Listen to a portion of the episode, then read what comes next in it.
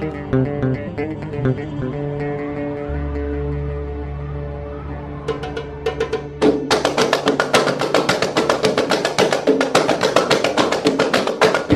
agak terlambat dia responnya karena Agak terlambat Tapi- respon atau takut-takut mau ngechat siswa, Pak? kalau saya kan ngechat di grup pak Oh. Oke, kita mulai ya. Perkenalan diri dulu, salah yang ada pembukaannya sebenarnya. ya, nggak apa-apa. Jangan- dia aja pembukaannya biar biar Oh. kita bisa tahu Oke. Nanti kita rame-rame sama-sama nanti ya. Oh, iya. Oke. geladi dulu Mulai ya. Ah, siap. Oke, assalamualaikum warahmatullahi wabarakatuh. Selamat datang dan selamat mendengarkan podcast Tara. Jadi nama podcast kita podcast Tara. Apa Apa itu podcast po- podcast Tara? pod, podcast Tara? Apa itu podcast Tara? Taranya itu adalah Utara, Kalimantan Utara. Siap. Karena kita dari Kaltara ya. Daerah terpinggir, daerah terujung terujung. Itu ya, daerah mahal-mahal. Oke, nanti hostnya di sini ada saya Lutfi, ada Asmar, sang penulis, ada Hendra Arya, sang menteri. siap Ya, dan jadi nanti kami akan membahas tentang seputar dunia sekolah, dunia ketika kita mahasiswa seperti apa atau dunia kehidupan di kos kayaknya enak. Lebih enak kayaknya eh, ceritanya Hendra Arya sih. Kos lebih enak. kalau bahas kos Kayak apa, Mar? ceritaku Oh iya, seminggu- seminggu udah habis Bapak Kalau kita Ayam. ber- Kalau kita berdua kan kos kita biasa aja lah. Kosnya kalau kalau kos Hendra saya nih. luar biasa Ya itu masalahnya. Kita mau ke situ dilarang. Barusan Milik ada tunggal. kos cowok. Enggak biasanya ada kos cowok yang kita mau datangi enggak mau. kalau kosku dilarang kan kalau cowok datang Iya, dilarang karena mau mau menang sendiri. Harus cewek dong. Harus cewek. datang. Iya, iya. iya. Penjaga wanita ya. Masa kita laki-laki datang laki-laki. iya, iya. Betul juga itu. Oke, Bagus, jadi itu ya. Nah, sekarang kita perkenalan dulu, perkenalan sendiri-sendiri. Hendra dulu deh, Pak Oke, Menteri. dari aku dulu ya Siap. Oke, eh, perkenalkan eh, nama saya Hendra Arya Saputra, bisa dipanggil Hendra. Kemudian apa lagi? Ya, jadi saya sama Lutfi sama Asmar bisa dibilang saudara ya, sama-sama. Satu satu tempat Saudara Mar perbatasan. katanya. saudara beda warna ya. Satu, satu wilayah perbatasan, hanya beda pulau. Kemudian satu alma mater, satu angkatan. Ya itu dari saya. Oke, itu Hendra tadi. Panggilnya Pak Men, Pak Pak Menteri. Men, Nah, oke boleh. Sekarang selanjutnya Asmar Anastasia. Yes. Ya, Silakan Mar. kasih. Assalamualaikum warahmatullahi wabarakatuh. Waalaikumsalam warahmatullahi wabarakatuh. Baik yang saya hormati Bapak Lutfi dan Bapak Hendra Arya Saputra ya yang Berasa tua ya dipanggil Bapak. rekan seperjuangan saya ini pas Siap. masa perjuangan perkuliahan di Samarinda di mana satu alma mater dan kami juga satu jurusan ya waktu itu ya Iya, ya satu jurusan. olahraga dan kesehatan dan kita juga pernah Satu kelas juga kayaknya. ya Sama-sama sama-sama A. Oke, ya kalau Pak Lutfi saya satu kelas kalau Pak Indra Ke saya B. Pak Pak Indra ini ada Oke. cerita juga sama Pak Indra ini awal kenalnya di pas Iya. ah ini Pas kapan ya kita pas kenal ya? Perkumpulan di, maba di pelabuhan. Oh iya. Udah di pelabuhan. pelabuhan. Pelabuhan? kotak-kotaknya waktu itu Iya iya. ketemu sama beliau cerita bahwa beliau dari kota Tarakan Betul, iya betul. ya yang satu masih Kalimantan Timur waktu itu Iya. dan sekarang kita sudah menjadi Kalimantan Utara Tara. dan ternyata kita tetangga Hmm. ya mulai dari situ dan lama-lama kita saling berjumpa di salah satu organisasi juga bergabung organisasi ya sampai sekarang alhamdulillah menjalin persahabatan Mhm. alhamdulillah Alhamdulillah. Gitu ya. Tapi bedanya bedanya dia Kumar. Ketemu sama Indra nih bukan di pengumpulan. Lebih tepatnya di pelabuhan. Oh iya. Bukan. iya. Iya, Pelabuhan iya, Tarakan. Iya.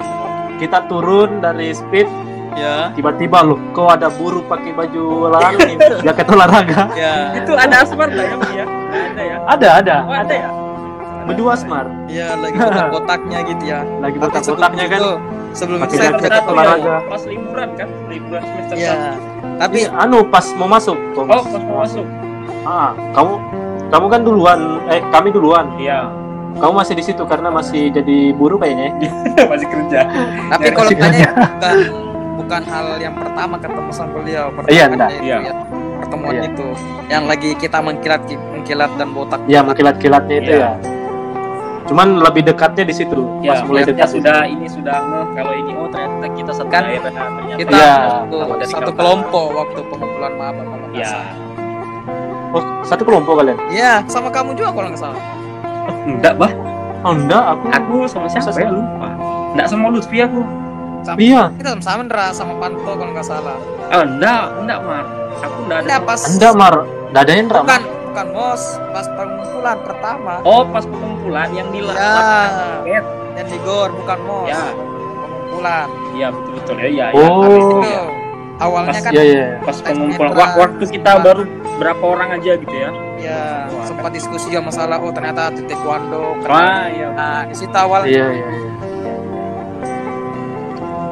Ternyata sebelum-sebelumnya kita satu kelompok ya. ya Iya. itulah Cuma enggak tahu. Karena kan karena kita itu maba jadi sama semua kan. Jadi kembar semua. kembar semua. Kembar semua. Jadi enggak enggak terlalu Iya. Lebih tepatnya kembar semuanya. Kepala Mm-mm. pelontos, Kepala pelontos, kulit gosong. kulit gosong, mengkilat. Tapi Iya. kayaknya enggak ada perubahan deh. Iya, Eh, kalau aku ya, sampai sekarang sih, Pak.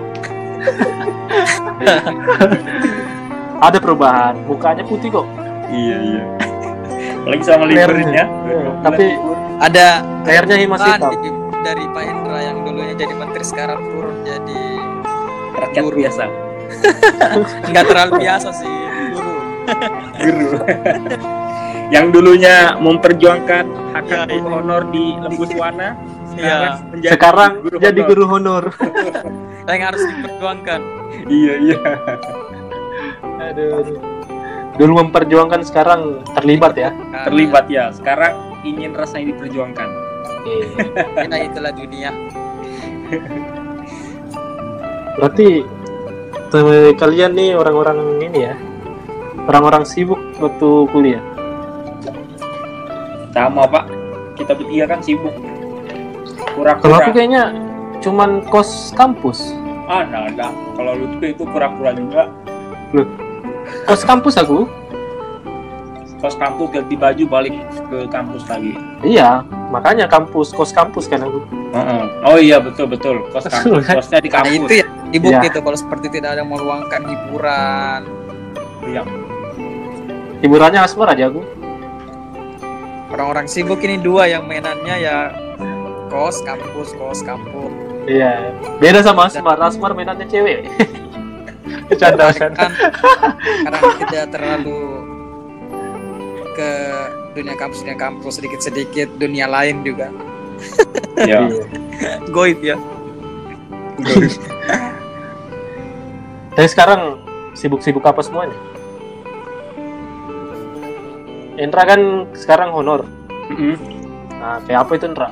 Masalah Hmm. pandemi anu nih, gara-gara pandemi. Iya jadi kalau untuk kaitan dengan pandemi pasti kita semua tahu lah ya dampak buruknya. Yang pertama itu anak-anak kan pasti belajar di rumah. Iya. Nah, jadi iyalah. Jadi kita ambil yang paling intinya aja lah. Jadi seperti tugas dan segala macam itu kan otomatis dikasihkan melalui via mungkin WhatsApp atau via Zoom itu kan sama anak-anak di rumah. Ya, Nah, jadi, itu yang, itu yang jadi pertanyaannya, Pak. Mm-mm. Eh, Jadi plus minusnya banyak sih Pak sebenarnya. ya Kalau untuk plusnya ya mungkin untuk secara praktis ya praktis ya ya, benar kan banget ya, ya.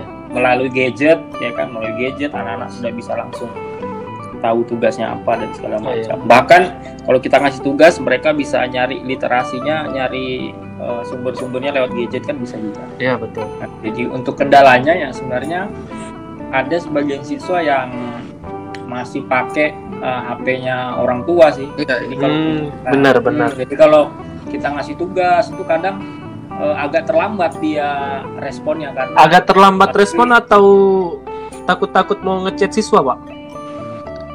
kalau saya kan kita di grup pak. Oh, Kalau chat siswa nanti mamanya yang balas bahaya. Ya. enggak apa-apa lanjut.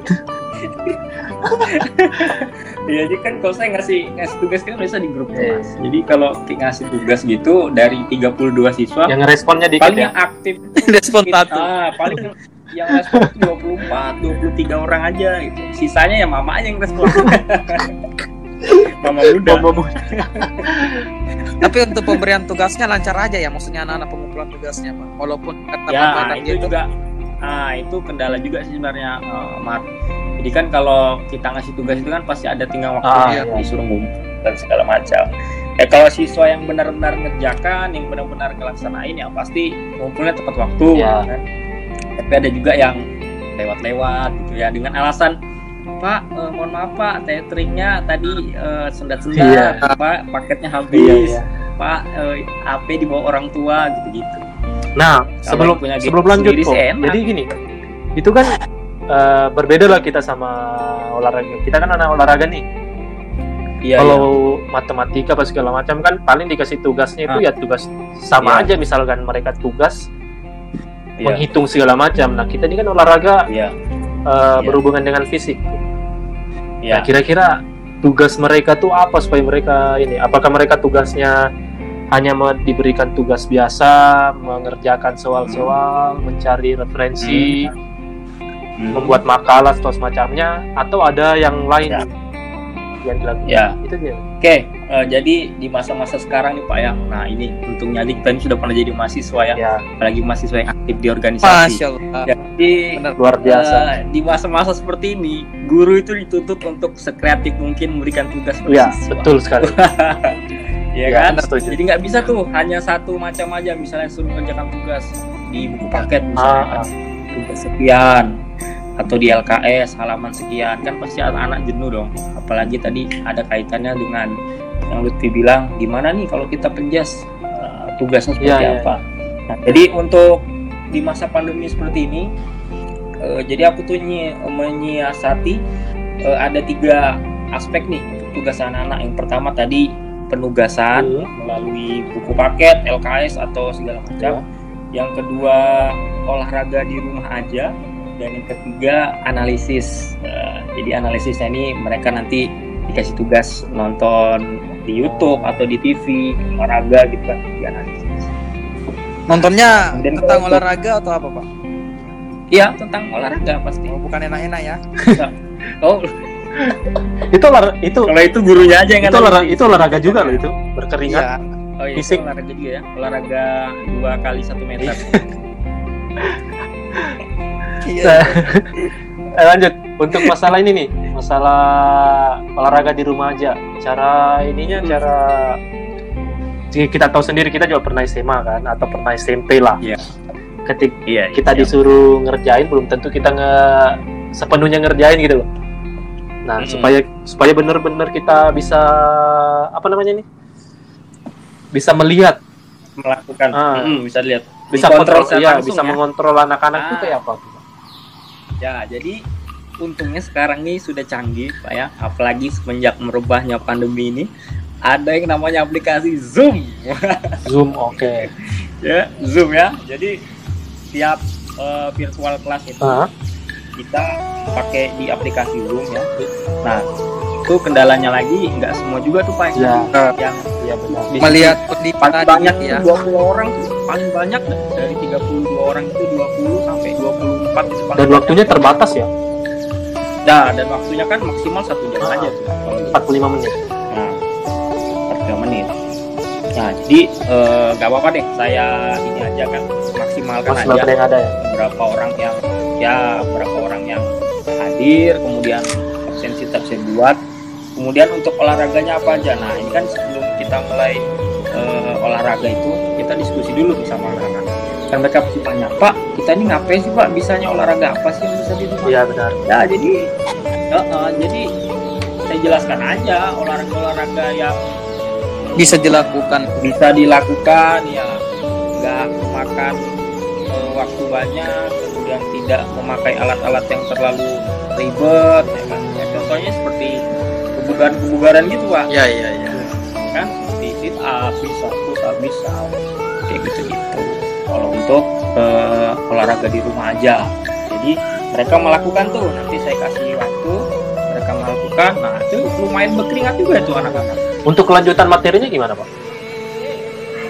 gimana? Untuk kelanjutan? Materi, untuk kelanjutan Iya. materi? Materi materi pembelajaran, materi materi pembelajaran. pembelajarannya. materi Ah. pembelajaran.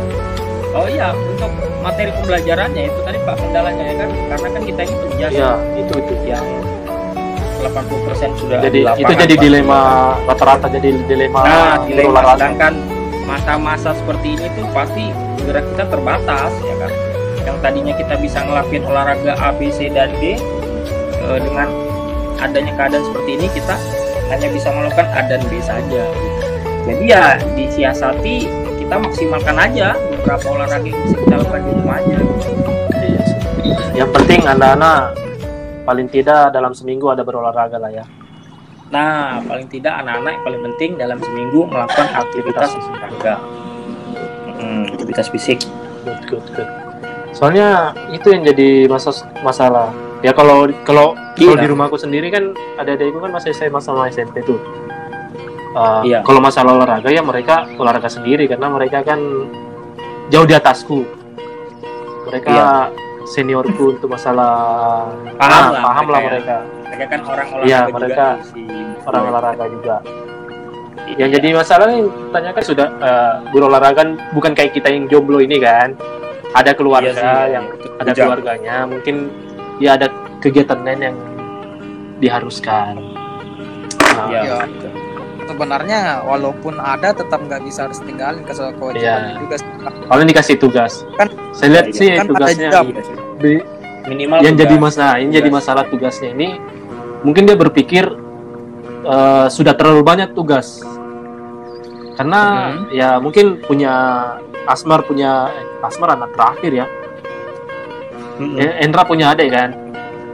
Nah, Punya, punya. mungkin mereka tugas mereka di- dikasih tugas mulu nih kita sebagai guru olahraga yang ibaratnya san- santai ya nggak mau yang mau ribet sama tugas kita juga pasti berpikir kalau kita kasih tugas bikin ribet aja mereka nah itu jadi dilema juga itu antara Dilema, iya sebenarnya ndak baik tapi kasihan juga sama anak-anak Nah, Nah ini Pak eh, ngomong-ngomong masalah tugas yang diberikan kita kasihan sama mereka. Ini ada dua ini di, di sekolahku Nah, di ini? Ada dua cerita yang bertolak belakang. Ah. kan.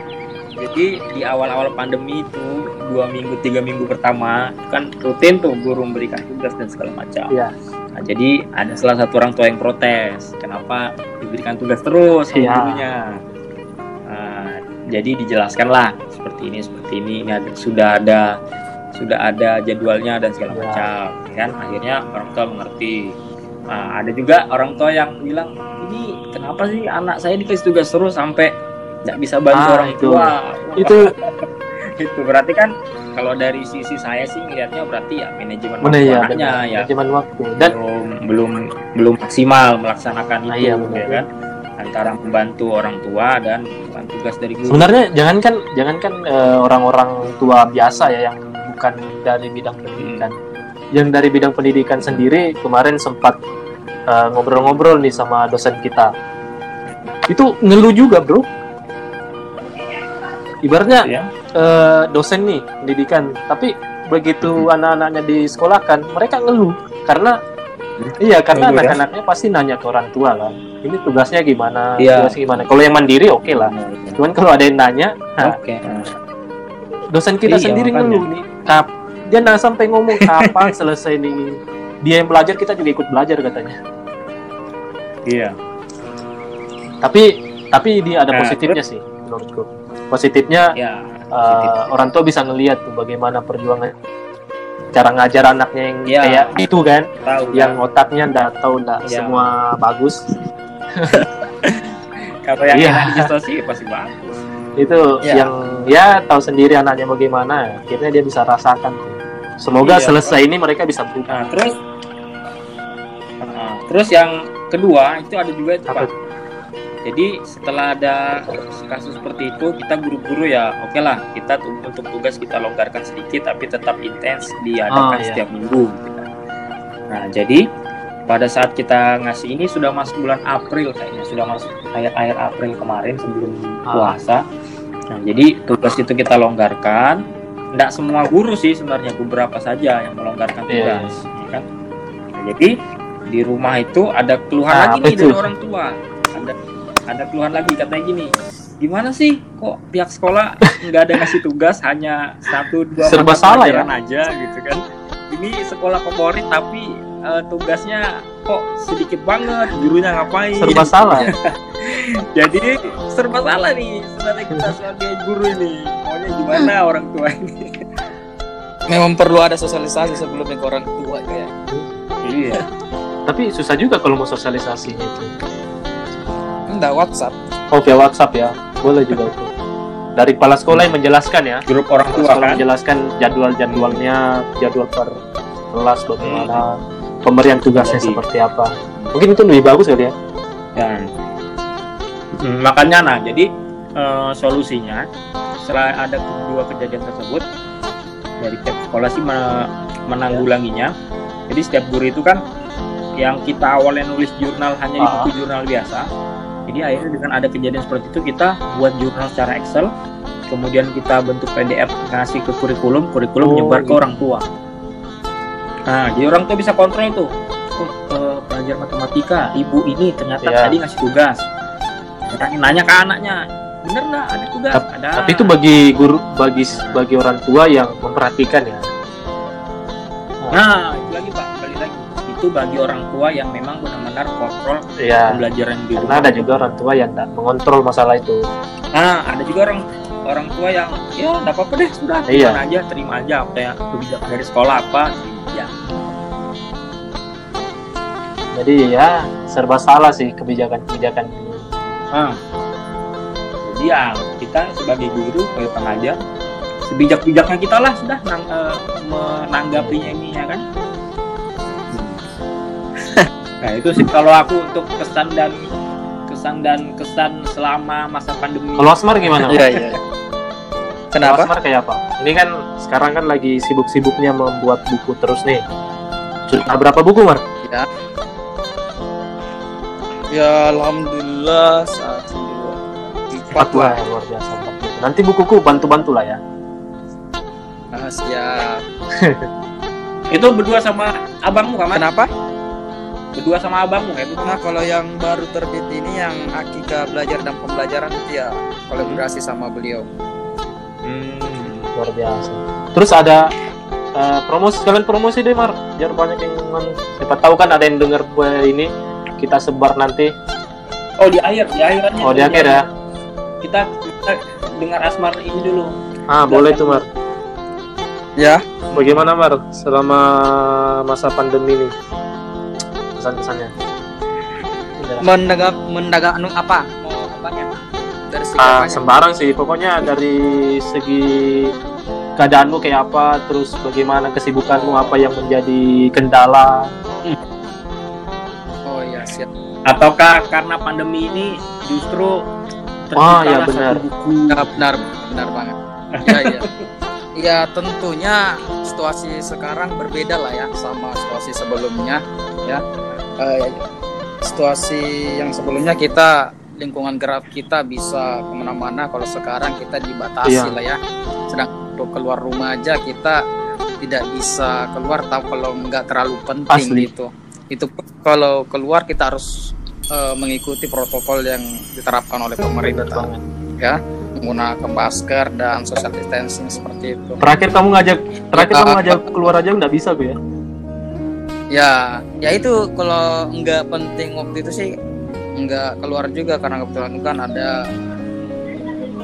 eh, ke- apa lagi ada urusan mendadak bantuan dari orang jadi harus keluar. Ya tetap kita keluar dengan mengikuti protokol dari pemerintah Iya. juga sih. Nah, selain dari itu ya kita nggak bisa berbuat banyak karena ya istilah eh, pandemi ini adalah virus yang baru ya di dunia istilahnya ini terus bah- bahayanya lagi karena dia nggak kelihatan Ah, iya, gitu Nah, jadi Betul. kita nggak tahu yang mana musuh kita jadi ya ya kasihan kita Soalnya betul-betul kalau kita mau keluar, kalau kita mau keluar juga ya sistem imun kita ibaratnya masih mendukung lah. Cuman kasihan Ah, orang rumah ya, banget. orang tua Ya. kita. jadi kita nggak terlalu bisa berbuat banyak juga sih jadi ya untuk itu kita diimbaukan untuk di rumah saja ambil positifnya saja. Banyak hal yang kita bisa lakukan kan walaupun di Iya. rumah. Salah satunya ya kita bisa lebih banyak waktu lagi bersama keluarga kan. Apalagi kalau yang anak rantau seperti kita ini yang kuliah. Iya, Nah, momennya lah kita bersama keluarga. Nah, selain dari itu banyak itu eh, kegiatan-kegiatan yang bisa kita buat di rumah. Nah, salah satunya kalau saya ya, eh, alhamdulillah dengan adanya pandemi ini di rumah kan jadi panggilan-panggilan atau ajakan-ajakan yang biasanya kalau bulan suci Ramadan itu banyak salah. ngajak burger gitu kumpul jadi alhamdulillah sejak adanya pandemi ini sudah nggak ada ajakan seperti itu Berarti keuangan, Nah, berarti keuangan, waktu keuangan Nah, juga aman ya, Nah. keluar keluar. Nah benar banget. Dari segi keuangan juga kita agak aman atau bisa menabung lah istilahnya. Ya. dan segitu juga ya banyak yang kita bisa referensi apa eh, ciptakan gitu. Ya kalau kayak saya kan banyak. Sekarang banyak baca lihat dan buku dan alhamdulillah eh, banyak ikuti diskusi-diskusi begitu juga. Sekarang lebih tren mengikuti yang ini tentang penulisan Penulisan, penulisan ah, gitu. Iya. Dan alhamdulillah lah eh, masih belajar juga sih masih tahap belajar gitu cara-cara jadi penulis dan dan alhamdulillah lah sudah mulai bisa menggarap dan alhamdulillah sudah bisa menerbitkan beberapa buku. Dan tentunya juga selain apa kita itu membuat buku atau karya apa saja bisa sebenarnya Ah. dilakukan. Nah kalau kita juga ini kan yang orang olahraga. Tentunya kita tidak bisa meninggalkan apalagi kita di rumah aja biasanya kan. Gerak kita tuh terjangkau yaitu bisa meningkatkan ya biasanya lah kalau kita terlalu kebanyakan tidur atau rebahan itu malah bisa menimbulkan penyakit juga. Nah jadi jadi eh, selain dari tadi itu yang saya buat karya seperti itu ya tidak lupa kita melakukan aktivitas olahraga di rumah aja tentunya ya. Tidak harus di luar ya di rumah juga bisa setidaknya ya 15 sampai 30 menit lah sehari lumayan. Jangan taruh ribet-ribet lah. Nah mungkin kayak pusat up. itu iya. lumayan. Ya. Jelaskan adalah latihan apa? Ada kegiatan kebugaran dilakukan. Bisa kalau memang jogging ya sekitar rumah aja nggak perlu Iya, iya. jauh-jauh ke sana sih. Ya kalau saya sih menanggapinya begitu. Mau diapa lagi karena eh, pemerintah juga sudah berusaha Iya. lah ya eh, melakukan agar kita semua bebas dari virus ini tapi ya mau diapa karena semakin lama malah semakin meningkat sepertinya Iya, itu ngomong-ngomong masalah meningkat, masalah Ramadan. meningkat nih kayaknya gimana ya? Kalau di Tarakan sudah dilakukan PSBB kan? ah PSBB Sudah. ah. sudah sudah Itu- PSBB. kalau Ya, Nunukan Nunukan belum ya, Nunukan. Nah, makanya itu Nunukan belum. Hmm. Tadi waktu keluar, saya sempat keluar cari obat itu gila, masih Ya. banyak banget orang di rumah. Eh di rumah, di jalanan itu masih banyak orang. berjalan apalagi bulan Iya. Ramadan gini ya pasti Sore-sore pada pada takjil takjil. ya Nah, benar banget. Nah, itu juga yang saya lihat lagi. Ya, bukan menyalahkan siapa-siapa lagi melihat dari PSBB atau social distancing yang diterapkan pemerintah. Ya, eh, sebenarnya kita khususnya di Indonesia belum menerapkan itu. Social distancing, apalagi PSBB seperti itu, kita belum menerapkan. Yang saya, kalau saya lihatnya sih, saya pribadi itu cuma himbauan, bukan Ya. menerapkan. Karena kenapa? Di sisi lain saya melihat social distancing itu adalah kita menjaga jarak. Contohnya ya social distancing menjaga jarak minimal satu meter lah dari orang. Tapi eh, masyarakat kita masih ada aja yang istilahnya mengumpul bahkan tidak apa jaraknya tidak satu meter maka ketika tapi untuk Nah, untuk beberapa Hmm. daerah itu sudah Bukan- sebenarnya sudah sudah bukan social distancing lagi Mar tapi sudah arah ke physical distancing Nah, Ya, cuman ya entah nggak tahu ya karena ya sama kayak itu yang saya bilang maksudnya itu aja sekedar himbauan tapi tidak dilak Tidak tidak, terlaksana. terlakukan penerapannya ya tidak terlaksanakan dengan baik. Jadi cuman sekedar ini ada istilahnya ini ada social apa physical distancing atau social distancing ini ada harus di gini tapi nyataannya tidak diterapkan gitu. Contoh kalau contoh kita kalau dunia pendidikan ini ada bola coba kau lakukan eh, passing bawah. Ternyata tidak dilakukan dengan benar passing bawahnya gitu. Nah, nah itu yang istilahnya kalau saya melihat. Jadi tetap tetap coba kita eh, ambil pengertian masing-masing kayak social distancing dan physical distancing adalah kalau Iya. itu kan menjaga jarak kalau kita menerapkan dengan baik tentu pasti akan mengurangi dampak penyebaran ya benar. tersebut. Kalau kita betul benar-benar menerapkan, saya yakin itu akan apa tingkat penyebarannya berkurang lah. Nah, tapi keadaan saat ini malah kita menerapkan malah nambah karena memang karena belum diterapkan Iya. cuma himbauan. Bahkan ada beberapa tempat yang sudah menerapkan sih. Cuman memang orang-orangnya yang belum terlalu paham kali ya. Ah, ah, ya, itu saya bilang tadi tidak Ah. bisa menyalahkan dari sel satgas sih karena pemerintah juga sudah menerapkan tapi dari segi masyarakatnya juga yang anu ya. Nah itu tadi kan aku ke apotek tuh.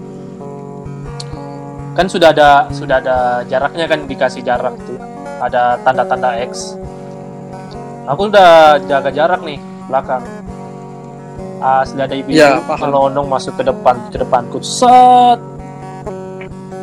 Baru dia berdiri tanpa ada salah ambil obat ngantri. Astaga. Ini kayaknya berarti ya masih warga Indonesia bukan Indonesia sih lebih umum-umum ya. Masih Eh, masih kurang Iya, pemahaman karena sih. apa ya tidak tidak semua masyarakat kita ini khususnya di daerah Kaltara memahami sosial tentang hal itu jadi ya agak berat dia mereka atau halnya yang tidak Iya, terbiasa padahal dia paling rawan perbatasan Hmm. seharusnya. Nah, benar Daerah Tarakan tuh lebih rawan. Nunukan rawan. Oh, lebih rawan, dekat Pak. dari anu ya, dekat dari Malaysia. negara ya benar Itu yang jadi masalahnya itu warganya yang belum paham. Mm-mm. bahkan ada yang paham tapi ya acuh tak Iya. terhadap itu Benar. jadi Iya. ya nggak berat karena mereka berpikir kita sampai kapan seperti ini kita sudah seperti ini tapi tetap aja bertambah nah jadi mereka Iya. ya ya udah deh mendingan keluar orang bertambah juga seperti itu nah Iya. iya ya itu yang pola-pola seperti itu yang kita Dan kalau kadang kalau Betul, ya. warga juga kan kalau yang pegawai kan sudah ada inilah ibaratnya sudah titik terang pasti digaji. Yang yang kerjanya cuman kalau dia ndak kerja dia ndak makan ya itu yang susah. Ya benar. Mau ndak mau dia harus keluar. Kalau istilahnya di luar kalau istilahnya kalau di luar dia belum tentu meninggal lah kalau kena corona. Kalau dia Sudah nggak tentu- makan sudah tentu iya. meninggal. Iya. Ya gitulah jadi kita lah yang mengerti dan paham ya kita harus eh, membantu lah menjelaskan kepada teman-teman atau orang tua yang belum paham terkait itu ya sih jadi ntar eh, habis ini sepertinya ada ini ya pak ya kebiasaan baru lagi nih dalam diri kita ya iya benar banget misalnya sudah nggak boleh intens untuk berjabat tangan nggak Ah. boleh intens untuk cipika-cipiki Ya. pelukan Apalagi kemudian nggak boleh ya benar nggak boleh intens Ya. untuk eh, pegang ini itu sembarangan Iya, Nggak tapi ada ada satu ya. ada Pak. satu kemudian harus ada satu ya ini masalahnya tangan. ada satu yang sebenarnya kita sudah pernah laksanakan tuh masalah cuci tangan jadi seingatku itu waktu di ta- masih di kampung lah kan masih di kampung itu setiap rumah itu pasti ada kendi di samping tangga kalau mau masuk pasti ada kendi di sampingnya ada air cuci kaki cuci tangan baru masuk ke rumah Ha-ha. Betul. dan ini terulang lagi ibaratnya kayak untuk masalah eh, cuci tangan apa segala macam kayaknya udah udah tahun-tahun yang lalu sudah pernah kita lakukan cuman berkembangnya kita Iya. ndak- sudah lupa Mm-mm. akhirnya kayaknya diingatkan lagi Mm-mm. Benar. Nah, jadi kita sendiri juga bingung ya kan? Jangankan kita Iya. pemerintah aja bingung nih. Iya. Ini kasus kapan selesainya, kapan iya berakhirnya, apalagi kita ya kan? Masyarakat biasa. Pemerintahnya udah bingung nih Iya, mau ngapain itu yang jadi masalah Iya, karena kita banget. butuh gerak, butuh leluasa. Iya. Karena yang kita hadapi ini virus Pak, bukan bukan senjata, bukan apa ini Ya, kita seandainya virusnya bisa kelihatan nggak apa-apa ini nggak Kalau kalau Nah, virusnya kelihatan apa? mungkin sudah dikeroyok orang, Pak. Ya, Iya, makanya itu. itu bahaya. Misal nih kalau nanti kurvanya udah melandai ya Ah. kan atau turun lah penyebarannya. Terus kita sudah diperbolehkan untuk beraktivitas seperti biasa lagi. Kira-kira ada jaminan nggak kalau virus itu nggak kembali melonjak lagi? Nggak ada jaminan. Nggak ada. Karena ini virus itu pasti Nggak ada jaminan. semakin tahun semakin ada lagi muncul, ada lagi muncul. Karena perkembangannya kan, ada virus lagi. juga kan bak- kayak bak- virus bakteri. Iya. Ketika anti imunis im, apa imun kita sudah mengenali, dia akan berkembang biak lagi Mm-mm. untuk membuat virus baru. Iya. Tapi kalau kita digunakan vaksin seperti itu, iya kita digunakan vaksin, tapi kan virus itu pasti berkembang biak lagi dia untuk eh, bisa hidup dan menjadi virus baru malah. Mm-mm. oh gitu. Kayak misalkan ya ibaratnya kayak flu lah, yang lebih ringan dulu dulu dulu di tahun-tahun lalu flu paling pasti mematikan bagi orang-orang dulu karena belum ada ininya obatnya segala macam kan. Imun kita juga baru belum mengenali. Tapi lama kelamaan kan menjadi hal yang biasa. Biasa, dan banget. mungkin dari situ berkembang lagi dia jadi flu apa gitu flu burung flu apa ya, flu babi Ya, kalau masalah itu pasti akan ada aja lah yang akan lagi kan. Akan ada Iya. aja virus-virus yang akan datang lagi Iya. kita nggak tahu. Ya, tergantung dari kitanya lagi. ya itu makanya dan terasa banget ya corona ini gara-gara ini kalau Asmar kan Oh. wah, Ah. sudah lulus sudah selesai nah itu jadi Asmar ini masalahnya. selesai kamar, kamu udah selesai. berhubung kemarin Tinggal Oh, tutup gitu. sih, tinggal tutup sih kok. dia tinggal Oh, gitu, tutup Ya. tutup ya. Cuman istilahnya kayak nikah nah ini yang jadi masalah ini itu yang belum. karena kemarin itu kemarin Nah, itu sebenarnya- aku kan sudah sebenarnya sudah penelitian tuh sudah berjalan sudah berjalan penelitian Ya, tiba-tiba diliburkan nah kita kan bingung ini gimana ini harus kayak apa dan harus kita harus ke sekolah Ya. kan sekolah libur kita mau paksakan suruh anak-anak juga susah jadi mungkin. eh, sebenarnya sudah sampai tahap tahap mana, Bro Luffy? baru sampai ini tahap uh, uji coba pemakaian Yang akan mau dilakukan apa lagi? uji coba tahap pemakaian jadi sudah ke sekolah-sekolah sudah pemberian tugasnya tinggal aku datang tinggal aku datang ke sekolah eh, membantu gurunya menilai terus ke sebar kuesioner ke siswa, siswa. sama guru. Sebenarnya kan sudah sebenarnya nggak bisa nggak diterapkan walaupun keadaan seperti nah itu sudah kemarin sudah bimbingan sama dosenku dosen pembimbing katanya sih kan kan judulnya itu menarik itu sangat membantu itu untuk memang pasnya situasi seperti ini kayaknya. Ah, iya. Nah, karena kan dia cuman gitu yang jadi yang nah, yang jadi masalahnya mar karena bergrup berkelompok berkelompok kan agak susah. Seandainya kemarin mereka individu mungkin masih bisa. Eh, dari oh maksudnya melakukannya enggak enggak individu. tugasnya per kelompok. Enggak maksudnya iya kan tapi Iya. berkelompok tapi melakukannya individu atau tetap, tetap berkelompok? passing contoh passing passing, kan itu iya dia passing nggak berhadapan. mungkin dia sendiri kan dia berhadapan. Oh kalau saya tetap ada melakukan sendiri. Hmm, kalau saya berhadapan. Jadi dia jadi tetap kelompok. Tapi melakukannya sendiri karena yang nilainya kan nanti nilainya individu iya. yang mau ya dilihat kalau itu kan karena ini sih aku kemarin aku bikin per, per- bikin be- mereka berpasangan. Jadi masih bisa mereka nilai. Gurunya masih bisa nilai. Karena dalam pembelajaran SMA ya tepatnya SMA itu dia lebih ke rangkaian geraknya yang dinilai. Bukan bukan satu Ya. ibaratnya bukan walaupun dia dinilai tetap satu-satu tapi mereka dalam rangkaiannya mereka dinilai. Cara melakukan langsung. Nah, jadi ya guru tinggal nilai aja berdua atau mereka dia nilai satu dulu baru dia nilai satunya kan tetap bisa di videonya dia bisa post dia bisa ulang. Kayak gitu sih. Iya.